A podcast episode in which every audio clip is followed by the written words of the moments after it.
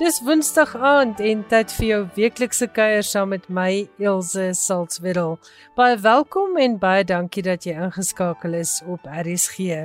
Ek hoop jy is heerlik warm en as jy dalk al in die bed lê en radio luister, dink ek jy is op die perfekte plek vir so koue wintersaand. Vanaand se program wy ek aan die dramaturg Ethel Fugard wat op 11 Junie sy 90ste verjaarsdag gevier het. Daar's twee baie interessante argiefopnames waarna jy kan luister. In een gesels Fugard oor sy eie lewe en in die ander een kan jy hoor wat ander groot name soos Sandra Prinsloo, John Carney, Marius Weyers en Yvonne Braceland oor Fugard en sy werk te sê gehad het. Johan Meiberg het oudergewoonte vir ons internasionale nuus en vanaand kan jy meer uitvind oor Ruth Ozeki en haar roman The Book of Form and Emptiness wat verlede week met die Women's Prize for Fiction bekroon is. Johan het ook nuus oor die polemiek na onlangse uitlating deur die topverkoper Amerikaanse skrywer James Patterson. Meer daaroor dan in Johan Meiberg se bydrae en ek hoop jy geniet vanaand se program.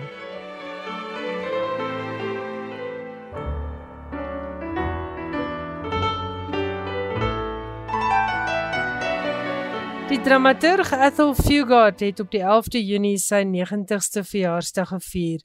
Hy is as Harold Ethel Lanigan Fugard gebore en is as kind Hallie genoem. En dis ook die naam van die hoofkarakter in sy wêreldberoemde toneelstuk Master Harold and the Boys. Twee interessante feite oor Master Harold and the Boys. Die een is dat hierdie stuk in apartheid Suid-Afrika verbied is en die eerste van Fugard se toneelstukke was wat oor see gedebuteer het. En die stuk is ook semi-autobiografies, iets waaroor jy meer kan uitvind in die tweede klankopname uit ons argiewe waarna jy in die tweede helfte van vanaand se program kan luister. Fugard was in sy lang loopbaan baie meer as net dramaturg. Hy was regisseur van talle van sy eie en ander dramas en ook akteur. Hy was selfs in rolprentweergawe van sy eie toneelstukke te sien. Met minstens 35 dramas op sy kerfstok, is dit veral dramas soos Busman en Lena, Sizwe Banzi is Dead, Master Harold and the Boys, The Road to Mecca en My Children, My Africa wat van hom 'n huishoudelike naam gemaak het, plaaslik en oorsee. Verskeie van sy toneelstukke is internasionaal bekroon en Fugard is ook vereer met 6 eredoktorsgrade onder andere van die Amerikaanse Yale en Princeton Universiteite.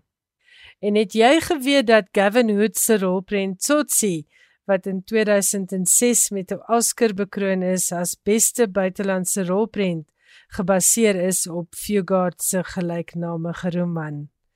Ons gaan nou luister na 'n kort dokumentêr oor Ethel Fugard wat Wile Maga Luit in 2008 saamgestel het.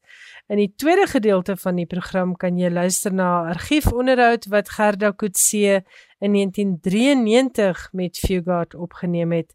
En wat dit so interessant maak is dat hy daarin Afrikaans praat en hy praat oor sy kinderdae, die inspirasie vir Master Harold and the Boys en die skryfproses.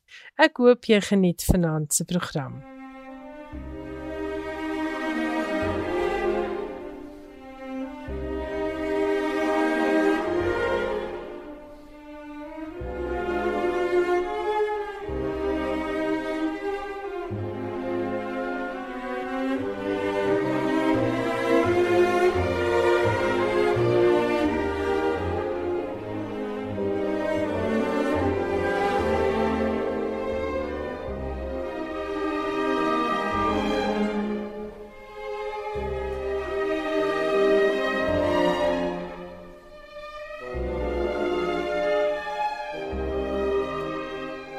Ons bied nou 'n klein profiel van een van die 20ste eeu se grootste dramaturge.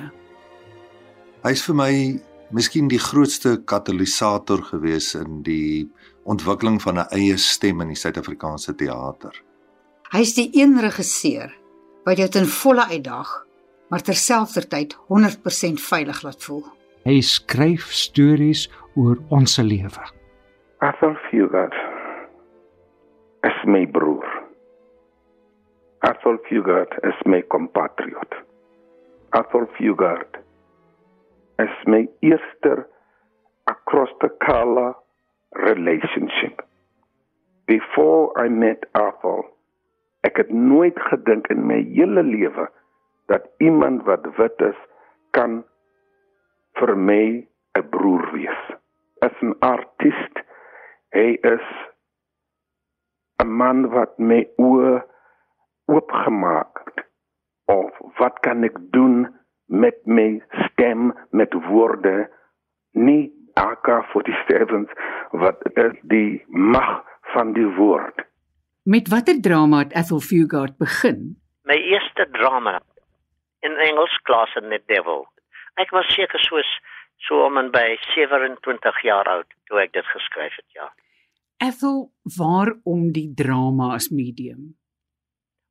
Vir my wat so pragtig is is die lewende woord in mense se monde. Wat, wat hoe hulle praat en hoe hulle geheime wegsteek agter woorde of woorde gebruik om die die die die, die geheime te vertel en ja nee interaksie tussen mense. Dis vir my die, die belangrikste. Ek het 'n poging gemaak in my uh boekie uh Tsotsi om ook uh, prosa te skryf, maar ek was nie bekwam nie. Waar het die eerste prikkel gekom om 'n drama te skryf? Uh, op skool daar was natuurlik 'n uh, drama vereniging in die uh, Port Elizabeth se tegniese kollege en ek het repetisies bygewoon en self deelgeneem en af en toe 'n klein uh one act drama kies maar uh, ja dat is dis miskien waar dit begin het. Hmm. En ook natuurlik 'n groot groot skuld aan daai pragtige man die groot Afrikaanse toneelspeler Andre Huguenot. Dis eintlik 'n interessante storie. Uh, Andre was holding auditions for a production of Oedipus Rex, and my wife wanted to get the role of Jocasta. And she went along to audition for that role, and I went with her. But Andre saw me uh, sitting there. My wife didn't get the role. Saw me sitting there and said, "Come on, you're next." And so I had to go in and read to him, and I ended up being uh, cast as, the old shepherd in in that production. And Andre was oh, he was just such a beautiful man, such a lonely, tormented man. But he he, he talked to me, he talked to me about theatre as time passed, and that is what my play was about exits and entrances. Professor Temple Hoopflesh. Ek het so 'n ongelooflike gevoel gehad toe ek exits and entrances gesien het. Want toe voel ek skielik hier is ons weer by die Fugard wat ons leer ken het met die vroeë werk. Want hy's terug by 'n 'n persoonlike ervaring. Hy's terug by 'n eenvoudige stel met twee akteurs en 'n gesprek wat jou deur 'n weer 'n hele leeftyd se ervaring vat en dit is soos jy weet dis die stuk oor om en Huguenot. En wat ek interessant gevind het toe ek nou in, in die FSA was en ek praat met mense daar want ek was ek nogal gewonder hoe gaan dit afgaan daar. En my studente daar wat ek dit voorgedoseer het, was aangegryp daardeur. En die punt is jy kan dit as 'n metafoor vir die geskiedenis van die Suid-Afrikaanse teater gebruik. Jy die twee groot geeste hmm. saam in een stuk en dit gaan van hierdie man wat so aangegryp is deur die deur die klassieke werk in kontak met iemand wat sê ek gaan die nuwe wêreld in. I discovered that the theater that I was interested in was very different to the one that uh, Andre uh, was involved in. I wanted to be. It was a theatre of the new South Africa, let's put it that way. A theatre that was much more inclusive. Ek was deel van die militante swart groep jong mense in die Port Elizabeth New Brighton of Oostelike Kaap. Toe hoor ek van 'n dramatiese groep Toe wil ek vind uit wat gaan aan daar wat ek het bietjie drama gedoen by die skool en Xhosa. Ek het nie geweet nie dat hierdie mense werk met 'n wit persoon. Hulle was 'n groep van New Brighton.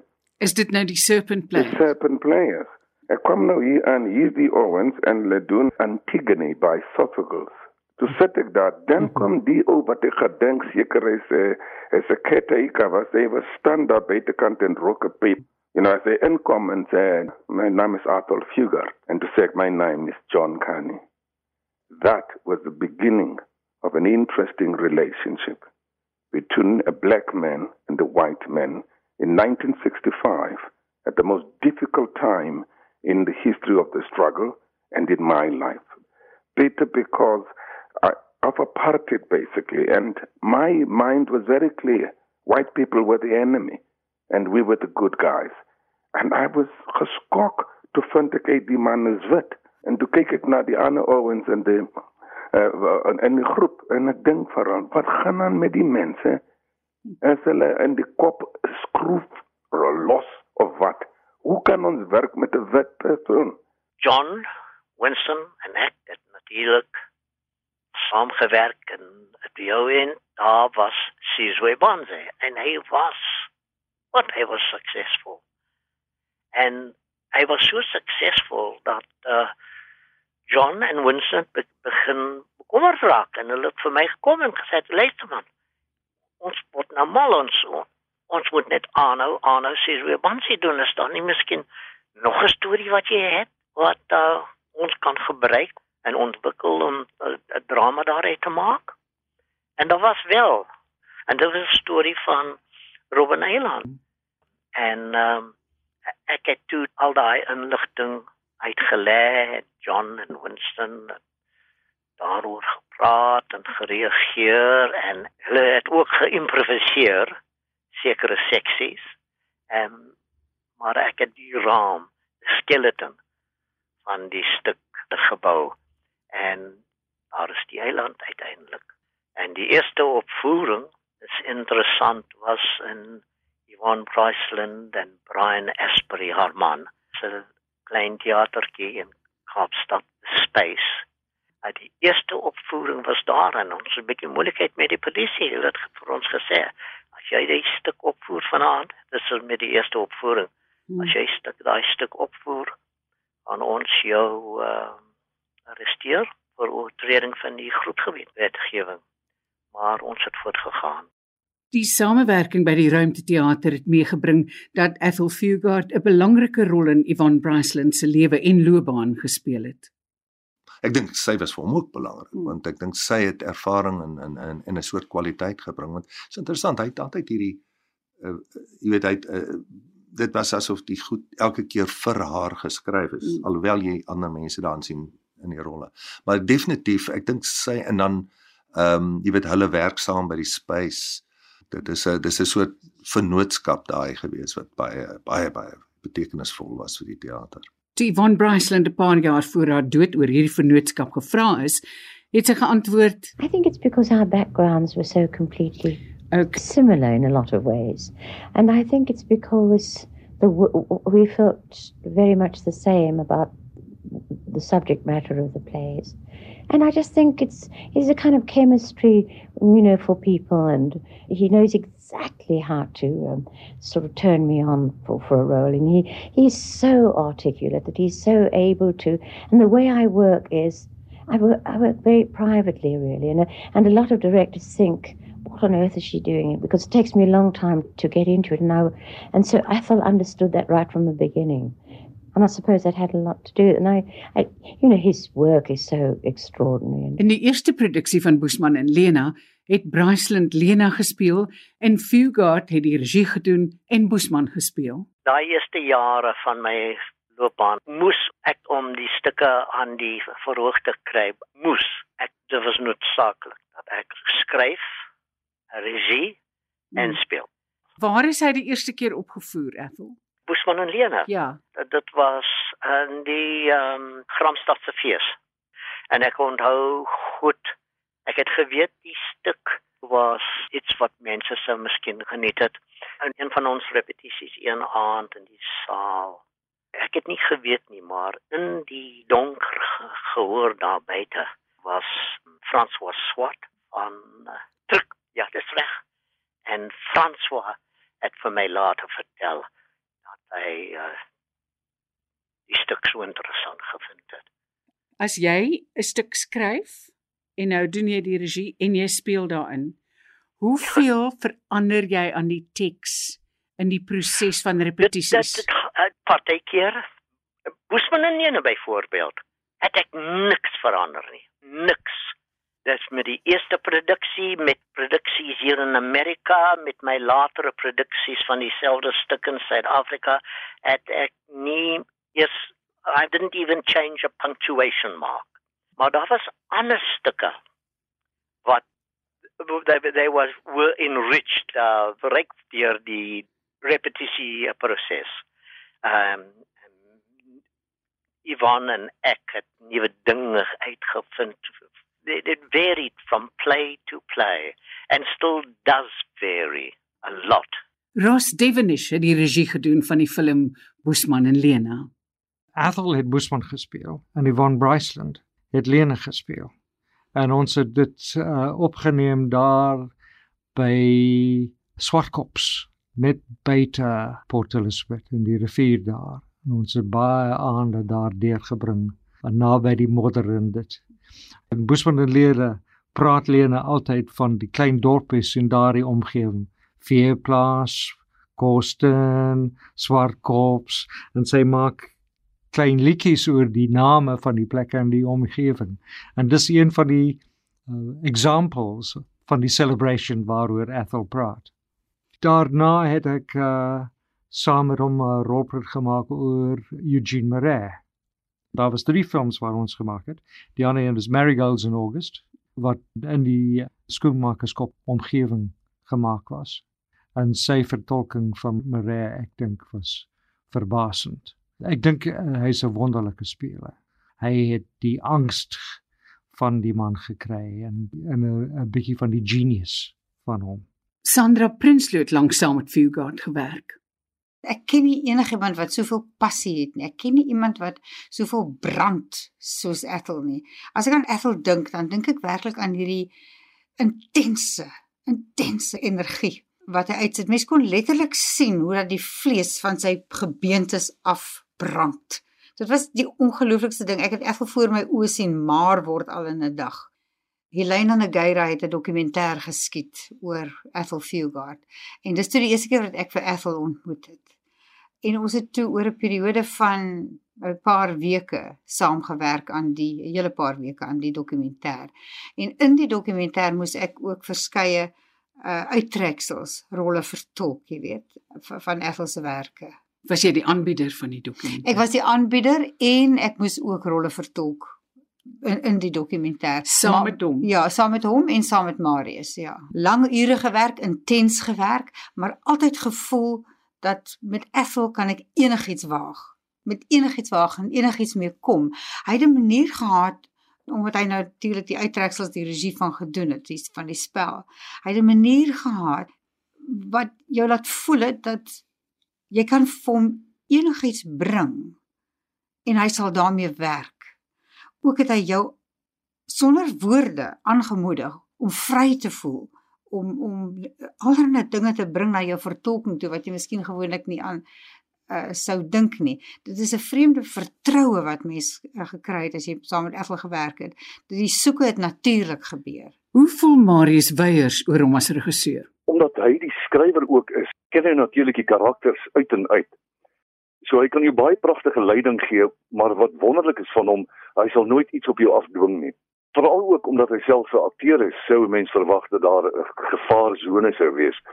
Maar hy's baie slim daarmee. Hy lei vir jou en maar hy gee vir jou baie vryheid om jou eie karakter daar te stel. Ons was eendag byvoorbeeld ook op die Moddervlaktes waar hy Boesman en Lena geskiet het. Ons het daar onder die skuilings ingetrek saam met die mense. Dit was 'n reënerige nat dag. Dit was aaklig. En daar was 'n werklike Lena figuur en 'n paar ander mense. En ons het daar saam met hulle gesit en met hulle gepraat en ek kon sien hoe Ethel werk as skrywer toe. Want ek sien toe hoe sit hy by die mense, maar maar hy het werklik kennis gedra. Dit was nie oppervlakkige kennis nie. Jy weet sy sy Boesman en Lena is gegrond op ware verhale, ware ondervindings wat hy met die mense gehad het. Um en snaaks genoeg, daardie dag toe is Boesman en Lena al lank al klaar geskryf en opgevoer, jy weet, jare van tevore. Maar toe staan die vrou op en sy sê iets in dier voege van ja, wat kan jy doen? Jy moet maar jou lewe op jou kop sit en hom dra en aanstap. En dit is letterlik 'n aanhaling uit Boesman en Lena. So so na aan die lewe. Dis nou 'n kwessie waar die lewe kuns amper nageboots het. Maar so goed het Ethel verstaan hoe hierdie mense se koppe werk dat hy daardie reël geskryf het en die vrou dit later gesê het. Dit was vir my uh, baie besonder van Ethel geweest daai storie Boesman en Lene is, is ek kan so goed onthou toe ek dit skryf het ek gedink wie die wêreld gaan belangstel in die twee. Dis so dis so oorspronklik Oos-Kaap. It's so regional. Hulle praat Afrikaans. Ek kon die storie nie nie nie skryf nie. Ek kan die drama nie geskryf het nie sonder om Afrikaanse woorde in Lene se mond en en Boesman se mond te sit. Tempel Hoopfleisch oor Boesman en Lena. Kyk, is dit dis Fugard se uh, Waiting for Godot. Dit mm. is 'n dis 'n geweldige vir my 'n verskriklike aangrypende stukkie kan lank oor hom praat. Uh, Natuurlik uh, internasionaal is uh, word Master Harold and the Boys is gereken onder die 100 beste stukke van die millennium. Ek dink daar het Fugard werklik 'n stuk van sy eie lewe gevat en in dit vir jou op die verhoog gesit en jou geruk daarmee. Maar watter werk is Fugard se gunsteling? Hello and goodbye was vir my is vir my 'n groot groot gunsteling. Miskien vir my ook die die die stuk wat waarvan ek ek sal altyd bereid wees om weer in 'n gehoor te sit en daai stuk te sien. Ek kan dit nie sê van my ander stukke nie. En ehm um, die rede daarvoor is eenvoudig. Ek, ek dink in daai stuk het ek dit reg gekry om mense die kans gegee om te lag sowel as met erns te luister na wat die mense sê. Dis een rede ek dink daai stuk is eintlik vir my die model of what I would like I would have liked all my plays to do to laugh and to cry. Dis vir my die ideaal. En maar ook van belang vir my met daai stuk was die eerste produksie daarvan. Die een en enigste keer wat ek iemand anders kans gegee het om as regisseur van my te wees. Was dit Bonnie? Bonnie Simon was die regisseur. En uh ek het baie stuk so geniet as speler. Ek kry baie swaar as speler in ander stukke, baie swaar ek. Joh, joh, joh, joh, joh, joh, ek is televisie. O, wat alla wêreld, nee dankie. Nee dankie. Bloodknot. Daar bestaan skynbaar twee weergawe van Bloodknot. Daar's byvoorbeeld is 'n uh, is is as 'n geval waar die teks baie verander het. Met Bloodknot het ek eintlik my eie stem gevind. Nee, dis 'n baie belangrike oomblik in 'n skrywer se lewe. Die oomblik wanneer hy weet daai woorde op daai stukkie papier kon ek alleen skryf. Niemand anders nie. Dis my siening, dis my gevoelens, dis baie baie belangrik en met Bloodknot het ek geweet dis dis nou vir die eerste keer baie belangrike stuk in my lewe. Die eerste opvoering het ek dink 4 uur geduur. dit is 'n bietjie baie langer as dit deel stuk met net twee karakters. Hmm. So met die tyd het ek begin sny aan die stukke en hom korter gemaak. Van hy word nog steeds opgevoer, hoor, Spruce in Amerika. Baie hier nog gedoen. Daar word na Fugard verwys as Ehm um, ag dis 'n baie beroemde aanhaling uit 'n ou time uit dat hy die beste lewende Engels skrywer is van Engelse toneel in die wêreld.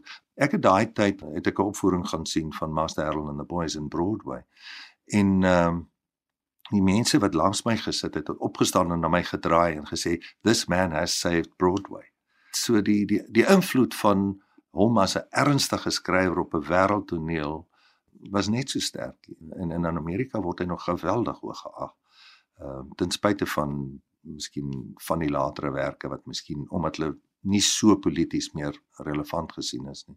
Miskien nou nie so ernstig opgeneem is, maar jy jy jy praat met mense dat almal wil weet oor Fugard. Almal doseer Fugard by universiteite wat ons nie in Suid-Afrika doen nie.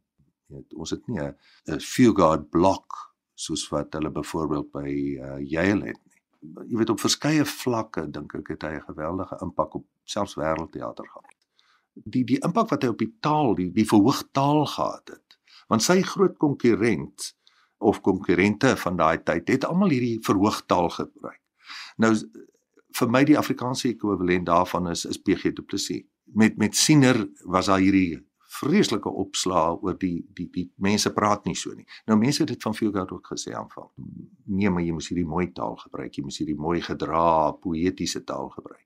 Hy doen dit, maar dis dis ingeklee sodat dit klink soos taal van die straat af en ek dink dit is sy krag dit en sy vermoë om werklike werklike interessante karakters te skep. Ek bedoel, ek dink hy seker die persoon wat die beste rolle vir vroue in in ons land nog ooit geskryf het behalwe miskien vir Risa nou weer eens.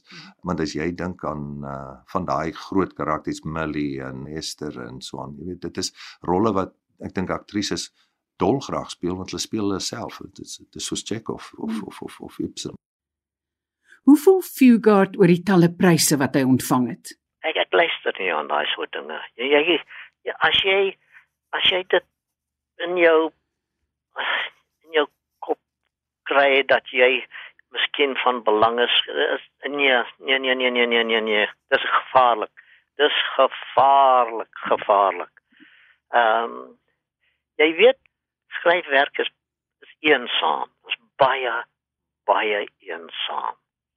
En daai stukkie wit papier daar voor jou hmm. is I don't think any interrogator in any in any police investigation or inquisitor during the Spanish Inquisition is as cruel as that blank sheet of paper. Yeah.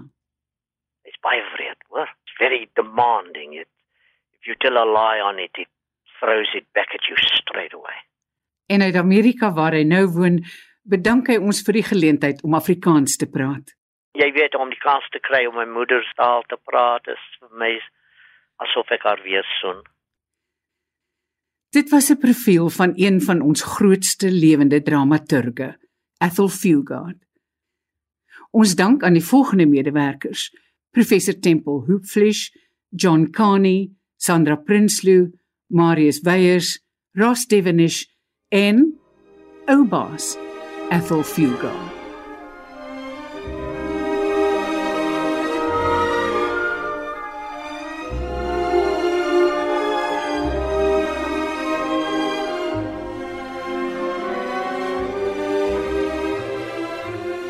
Daardie was 'n dokumentêr uit ons argiewe oor die werk van Ethel Fugard.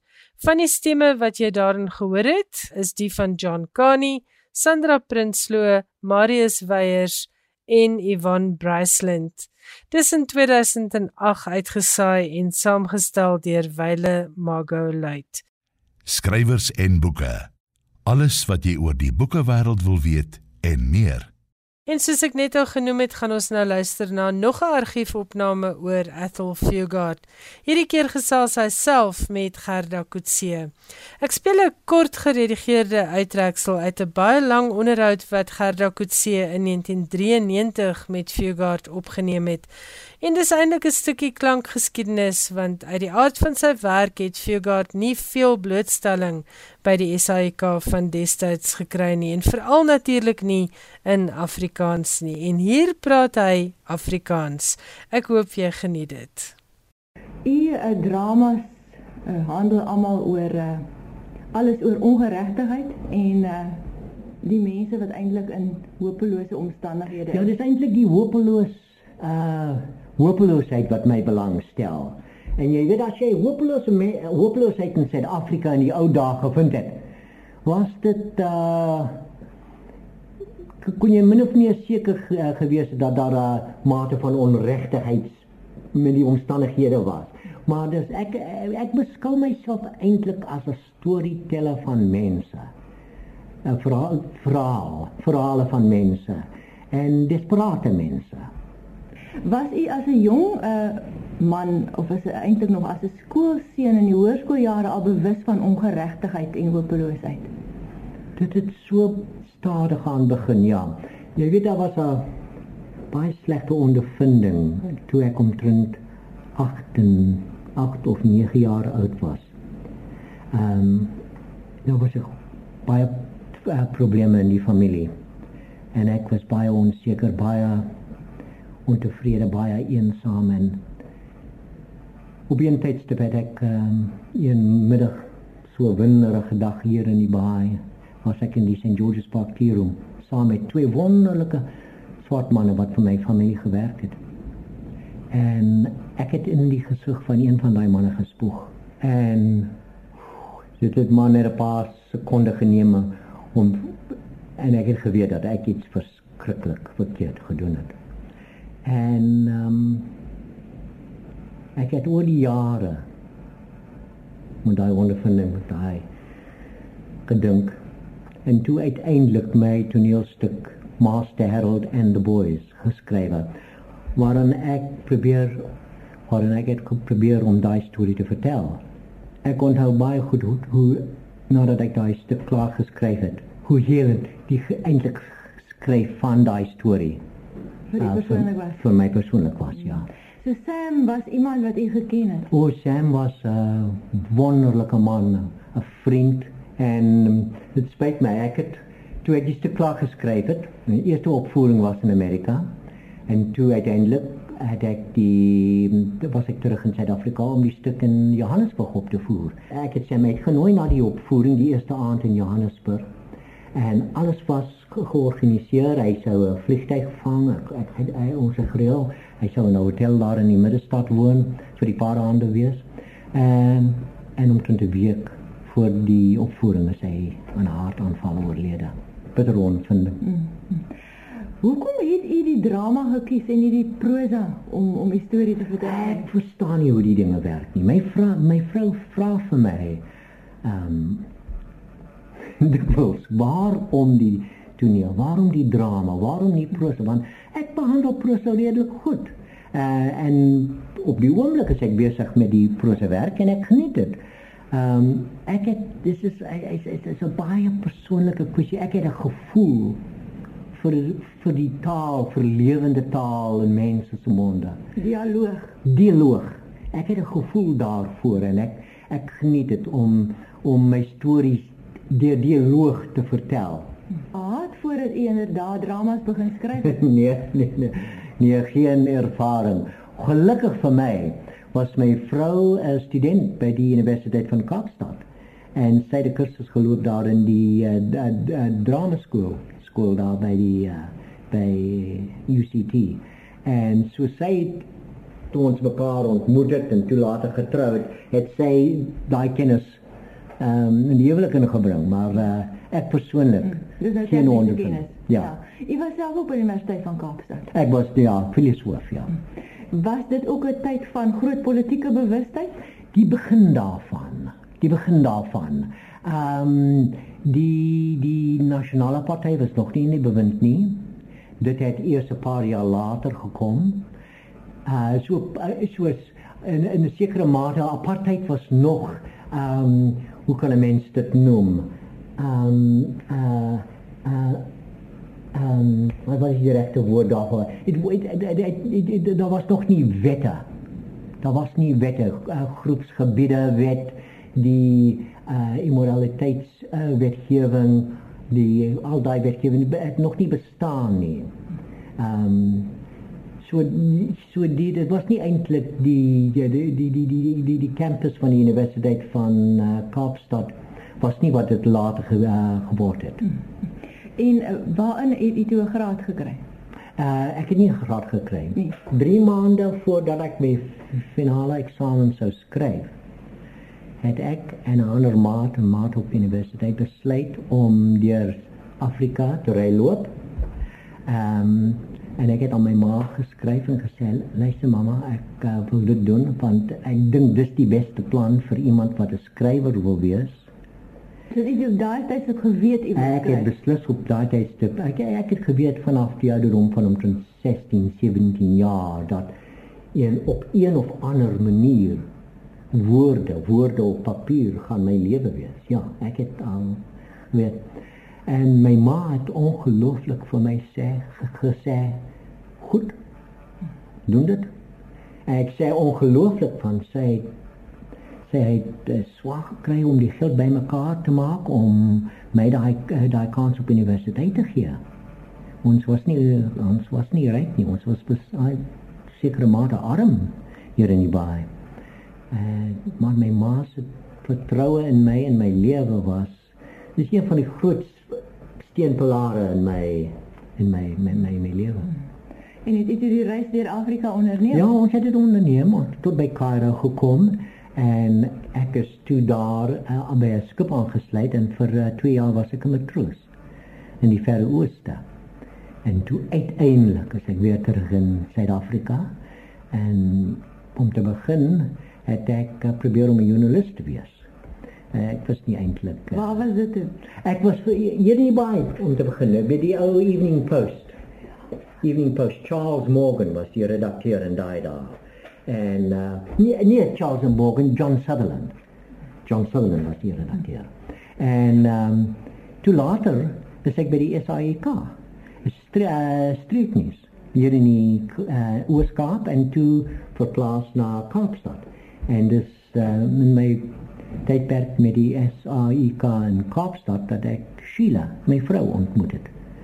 En uh, toe begin daai storie. Nou maar dis nou interessant natuurlik. Ja, ja, ja, ja.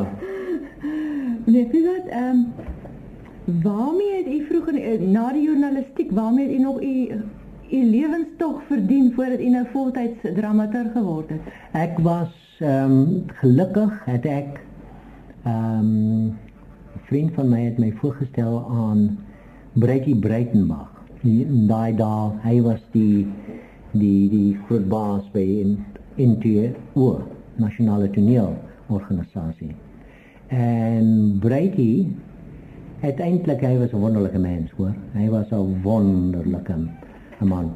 En hy geweet dat ek wou skrywer wees, 'n skrywer in die toneel en hy het toe vir my ehm um, uh werk hier as 'n verhoogbestuurder. En van 12 3 jaar was ek uh, verhoogbestuurder by 'n nasionale toneel in Pretoria. In Pretoria en toe later uh, in Bellville in die Kaap by die Civic Theatre daar. En wanneer het jy self begin speel? Ek het self begin speel toe ek my heel eerste toneelstukke geskryf. Ehm um, ehm um, Bloodnot is natuurlik die mees bekendste en ek het daai rol natuurlik saam met Zex Mackay dit het ons lewe ehm um, en ehm um, ehm um, heeltemal het ja toneelrigting ingesluit maar ehm um, selfs voor die Bloodnot was daar 'n paar toneelstukke waar daar 'n rol was vir 'n vir Witman en ek het daai daai rol begin speel. Bloodnot was die eerste uh, drama wat oorsee uh, eerst naar Londen, het, nee. eerst naar Londen. En toen um, was het soort redelijk ontvang was, maar later naar Amerika. En het was eigenlijk in Amerika waar dit een groot succes was. En die ondervinding, uh, natuurlijk uh, geldelijk was het voor mij baie goed, maar het het ook voor mij die, um, die, die uh, wat zou ik zeggen, die die moed gegee om te dink dat ek eintlik 'n lewe as 'n skrywer in die toneel kon maak. Die dramas is gewoonlik 'n klein in die opsig dat dis een of twee, dis twee of drie persone hoogstens. Ja, ja. ja. Maar dis 'n uh, intensheid verg dit van die spelers. Ja, ja, ja. En uh, u self dikwels gemoeid, u speel self, maar u is dikwels ook op die rand Jy is graag daar kry die idee wanneer die repetisies in die regie plaasvind. Eh, ek behartig die regie myself. Jy verkies dit. Ja, ek verkies dit. Ja, ja. En net omdat ek ek het 'n ek het 'n mate van talent as 'n regisseur. Ehm um, daar's wat een van my vriende wie, wie wat ook toneel skryf. Wie wie wie wie wie gaat nie kan uh, regie doen. Nie. Maar um, ek het 'n mate van talent aan daai rigting. Is daar ander dramaturge wat u beïnvloed het, wat u bewondering voor het? Nie in Suid-Afrika nie, nie wat plaaslike skrywers betref, maar oor see sou ek sê ehm um, my die die die die groot meesters wat my eerste laat uh wat ek eers gestudeer het, was die die Amerikaners, ehm um, Tennessee Williams, Arthur Miller, Eugene O'Neill. Uh, Engels uh, die die die die Britse toneelskrywers was nie het nie eintlik veel invloed op my gehad um, en toe later Samuel Beckett. Baie mense uh, sê daar's 'n soort uh, uh dat Busman en Lene is in sekere opsigte soos Waiting for Godot, die beroemde stuk van uh, Beckett. Of dit nou die geval is of nie, weet weet ek nie, maar uh, en um, is dit sy filosofiese aanslag wat u dalk ook aantrek met u filosofie ja, agtergrond? Ja, ja, beslis. Beslis. U was hier in Port Elizabeth uh, baie betrokke geweest met die The Serpent Players. Ja, ja, dis is 'n uh, swart groep uit New Brighton, ja. ja. Hoe dit gebeur dat u by hulle betrokke geraak het? Ek dis was na die Blood Knot. Ek is terug in die baai. Ehm um, na die die die tour ons het daar vir omtrent 3 maande op uh, en op die pad hier in Suid-Afrika met die met die met die helste produksie. En ek uh, die die opvoeding in Londen was agter my rug en ek is toe in die baai. En begin dink oor die volgende uh, toneelstuk wat ek wou skryf. En dan was daar 'n uh, klop aan die voordeur. En net omtrent uh, daar daar was 'n deur oopgemaak en daar werd was omtrent 'n stuk of 6 ek dink dit was vier mansmense en twee vroumense van New Brighton. Hulle het gehoor ek is terug in die baai, hulle het gehoor van my my werk in Johannesburg met uh, swart toneelspelers daarso en hulle het geweet of ek met hulle sou saamwerk om 'n groep hier in die baai te stig. Ehm um, ek het nie ek was nie eintlik uh, hoe kan ek sê om te begin was ek 'n bietjie ehm um, Langtand. Ja, ja, ja. Maar uh, ons het toe uiteindelik uh, uh, begin uh, uh, werk en uh, ek is baie bly dat uh, dat dit gebeur het want uiteindelik was dit deur daai groep dat John Carney en Winston Chona die twee spelers wat nou die hele wêreld deur gereis het met Sizwe Banzi is dead and the island and John Carney itself met my uh, John Carney en ek werk nou saam vir omtrent 20 jaar. Hmm. Hy het so ek weet nie as jy het jy Playland gesien. Ja. Hy was natuurlik in Playland en in die stuk voor Playland uh, My Children My Africa het uh, John die die die hoofrol van die swart onderwyser in daai stuk uh, vertolk. So uh, ja, dit was Serpent Players. Hmm. Hoe uh, benader u uh, wat is die uh, werkswyse as u 'n nuwe drama skep? Waarmee begin dit? Ja, dit begin met iets wat ek in die Koran gelees het of iets wat ek uh, op die strate gesien het of storie wat aan my vertel is. Ek het 'n dagboek waarin ek elke dag gereeld skryf. Amper soos 'n pianis sê elke dag oefen by sy klavier sit en oefen maak ek my dagboek elke dag oop en skryf ek daarin. En ek skryf wat ek sien, wat ek lees, wat ek hoor en al my toneelstukke het met iets uit die lewe uit wat ek soos ek sê in 'n Koran gelees het of gesien. Um, al my toneelstukke begin met 'n beeld wat so in my lewe ingekom het. Hmm. En um, ek dink daaroor ek, ek ek skryf dit neer en oor die partykeer neem dit jare voordat ek eintlik daai storie vertel. Ehm uh, byvoorbeeld, ek het al Master Harold and the Boys uh, genoem en daar was 'n stuk of 40 jaar tussen uh die die die daai daai middag in hier in die baie toe ek in Sam se gesig gespoeg het en die skryf van daai toneelstuk. Ja. Ehm um, Playland. Sê van Playland. Playland, dit het 'n stuk of 40 jaar gene, uh, geneem voordat ek ehm um, voordat ek daai storie kon vertel. Play ja, dit is jammer, dit was Mark Carroll and the Boys. Playland het 10 jaar. Die eerste beelde wat ek gehad het vir Playland gaan nou is dit omtrent 12, 13 jaar terug in my uh, in my dagboek.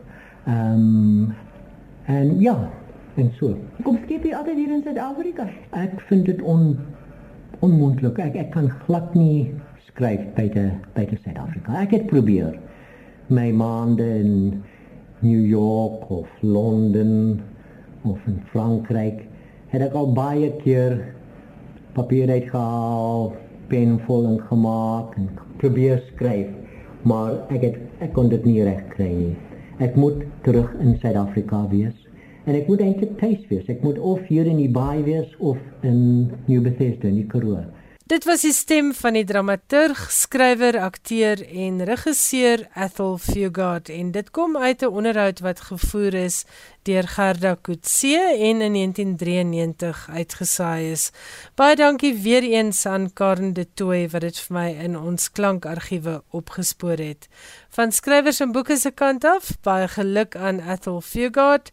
En baie baie dankie vir die reuse bydra tot ons land se letterkunde en kultuurskat.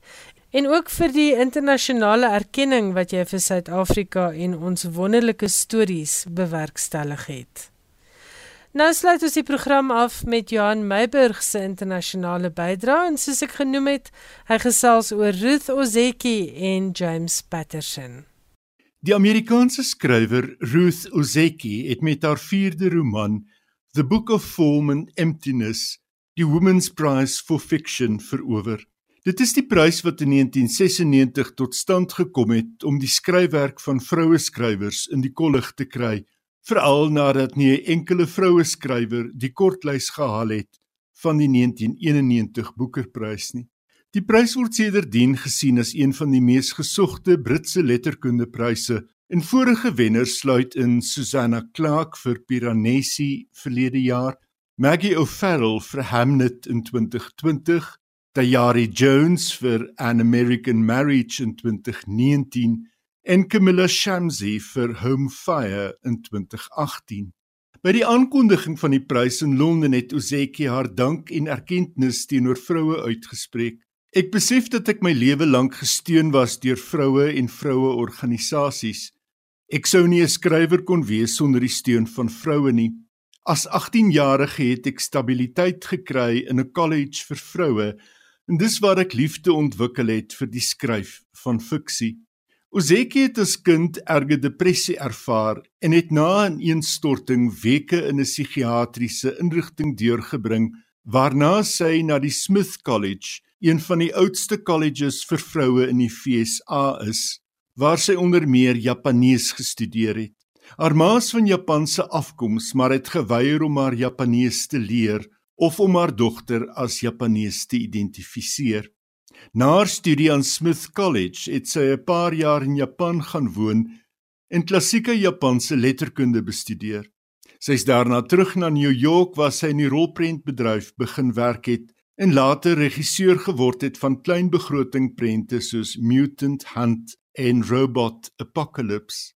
Wat sy uit die ervaring oorgehou het, sê sy, is haar vermoë om 'n storie te kan vertel. Haar eerste roman, My Year of Meats, het in 1998 verskyn en daarna All Over Creation in 2003 en A Tale for the Time Being in 2013. In 'n tale for the time being het Ozeki haar belangstelling in stemme wat hulle aandoen begin verwoord.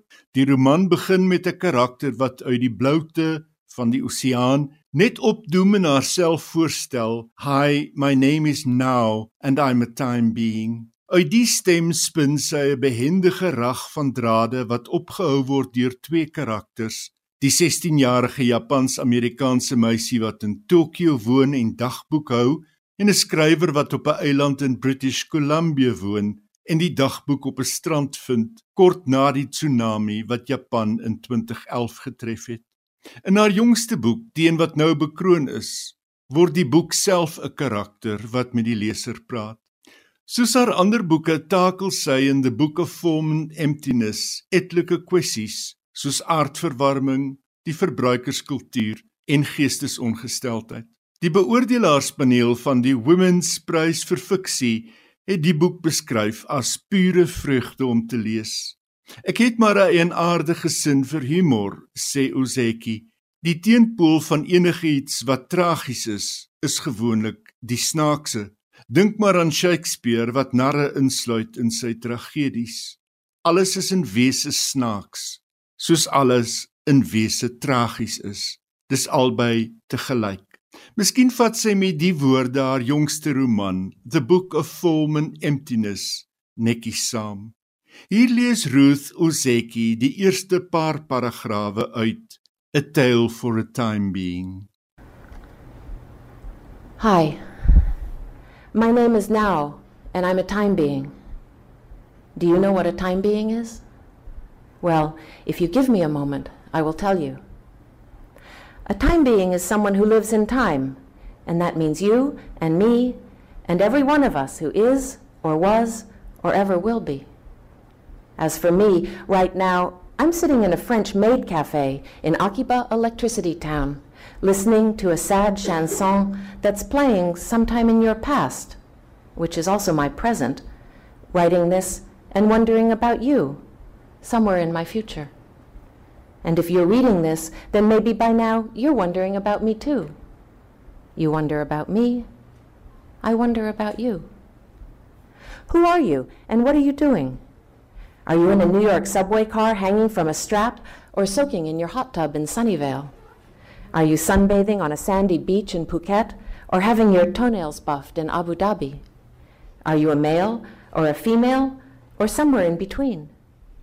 Is your girlfriend cooking you a yummy dinner, or are you eating cold Chinese noodles from a box? Are you curled up with your back turned coldly towards your snoring wife, or are you eagerly waiting for your beautiful lover to finish his bath so you can make passionate love to him? Do you have a cat? And is she sitting on your lap? Does her forehead smell like cedar trees and fresh, sweet air? Actually, it doesn't matter very much because by the time you read this, everything will be different, and you will be nowhere in particular flipping idly through the pages of this book, which happens to be the diary of my last days on earth, wondering if you should keep on reading. And if you decide not to read anymore, hey, no problem, because you're not the one I was waiting for anyway. But if you do decide to read on, then guess what? You're my kind of time being and together we'll make magic. So this was the this was the voice that I, I started to um, to hear in 2006 in December, and as soon as I as soon as I heard it, I started to realize certain things about this girl. You know, I knew that she was a junior high school high school student in Tokyo. Um, I knew that uh, she was troubled um, and possibly suicidal. Um, I knew that she had an attitude and um, a kind of a sense of humor. So this was this was interesting to me. Dit was die stem van die Amerikaans-Kanadese skrywer Ruth Ozeki en sy het voorgeles uit haar roman A Tale for a Time Being. Die Amerikaanse skrywer James Patterson, bekend vir sy boeke wat insluit thrillers en romanses en waarvan meer as 500 miljoen eksemplare wêreldwyd verkoop is, het in 'n tweet teruggekrabbel nadat hy in 'n onderhoud met 'n Britse Sondagkoerant gesê het as wit mans loop skrywers hulle vas teen 'n ander soort rasisme. In die onderhoud het hy gesê wit mans skrywers ervaar die soort rasisme in die rolprent en uitgewersbedryf. Waaroor gaan dit alles? het hy gesê. Kan jy 'n werk kry? Ja. Is dit al moeiliker? Ja. Dis soveel te meer moeilik vir ouer skrywers. Jy kom nie baie 52-jarige wit mans steen nie. Die 75-jarige Patterson het in die bestek van 40 jaar meer as 300 boeke gepubliseer en hy is volgens Forbes iets soos 800 miljoen dollar sterk. In die tweet het Patterson gesê Ek vra om verskoning dat ek gesê het wit man skrywers wat sukkel om werk te kry is 'n vorm van rasisme. Ek glo gewis nie dat rasisme gepleeg word teens wit skrywers nie. Weet asseblief dat ek diversiteit van stemme steun in die letterkunde in Hollywood oral. The Guardian berig Topverkoperskrywer Roxanne Gay was een van die eerstes om op Patterson se onderhoud te reageer. James Patterson van alle mense het sy gesê: "My vriend, begin maar deur jou boeke self te skryf," het sy bygevoeg. met verwysing na die feit dat Patterson gebruik maak van spookskrywers om sy boeke te help skryf. 'n Bibliotekaris het gereageer en gesê: "Al wat ek kan sê is dat sou ek die helfte van die Patterson boeke in die biblioteek verwyder om plek te maak vir gemarginaliseerde skrywers, sou ons steeds meer boeke van Patterson hê as van enige ander skrywer." Wat 'n mens moet byvoeg is dat Patterson 'n vurige kampvegter is om lees 'n nasionale prioriteit te maak in die FSA. Hy het ook al groot bedrae geld gegee in die vorm van beurse en genootskappe aan skole, universiteite en colleges. Baie dankie Johan Meiburg. En aan jou die luisteraar, baie dankie vir die saamluister vanaand. Volgende Woensdag aand is ek en Johan terug met nog 'n uitsending van skrywers en boeke. En dan kan jy onder andere luister na 'n onderhoud met die speurder Ben Boysen en ek gaan met hom gesels oor sy boek Op die duiwel se spoor. Tot volgende week dan. Ek wens vir jou alles wat mooi is en dit sluit natuurlik 'n stapel wonderlike leesgoed in. Totsiens.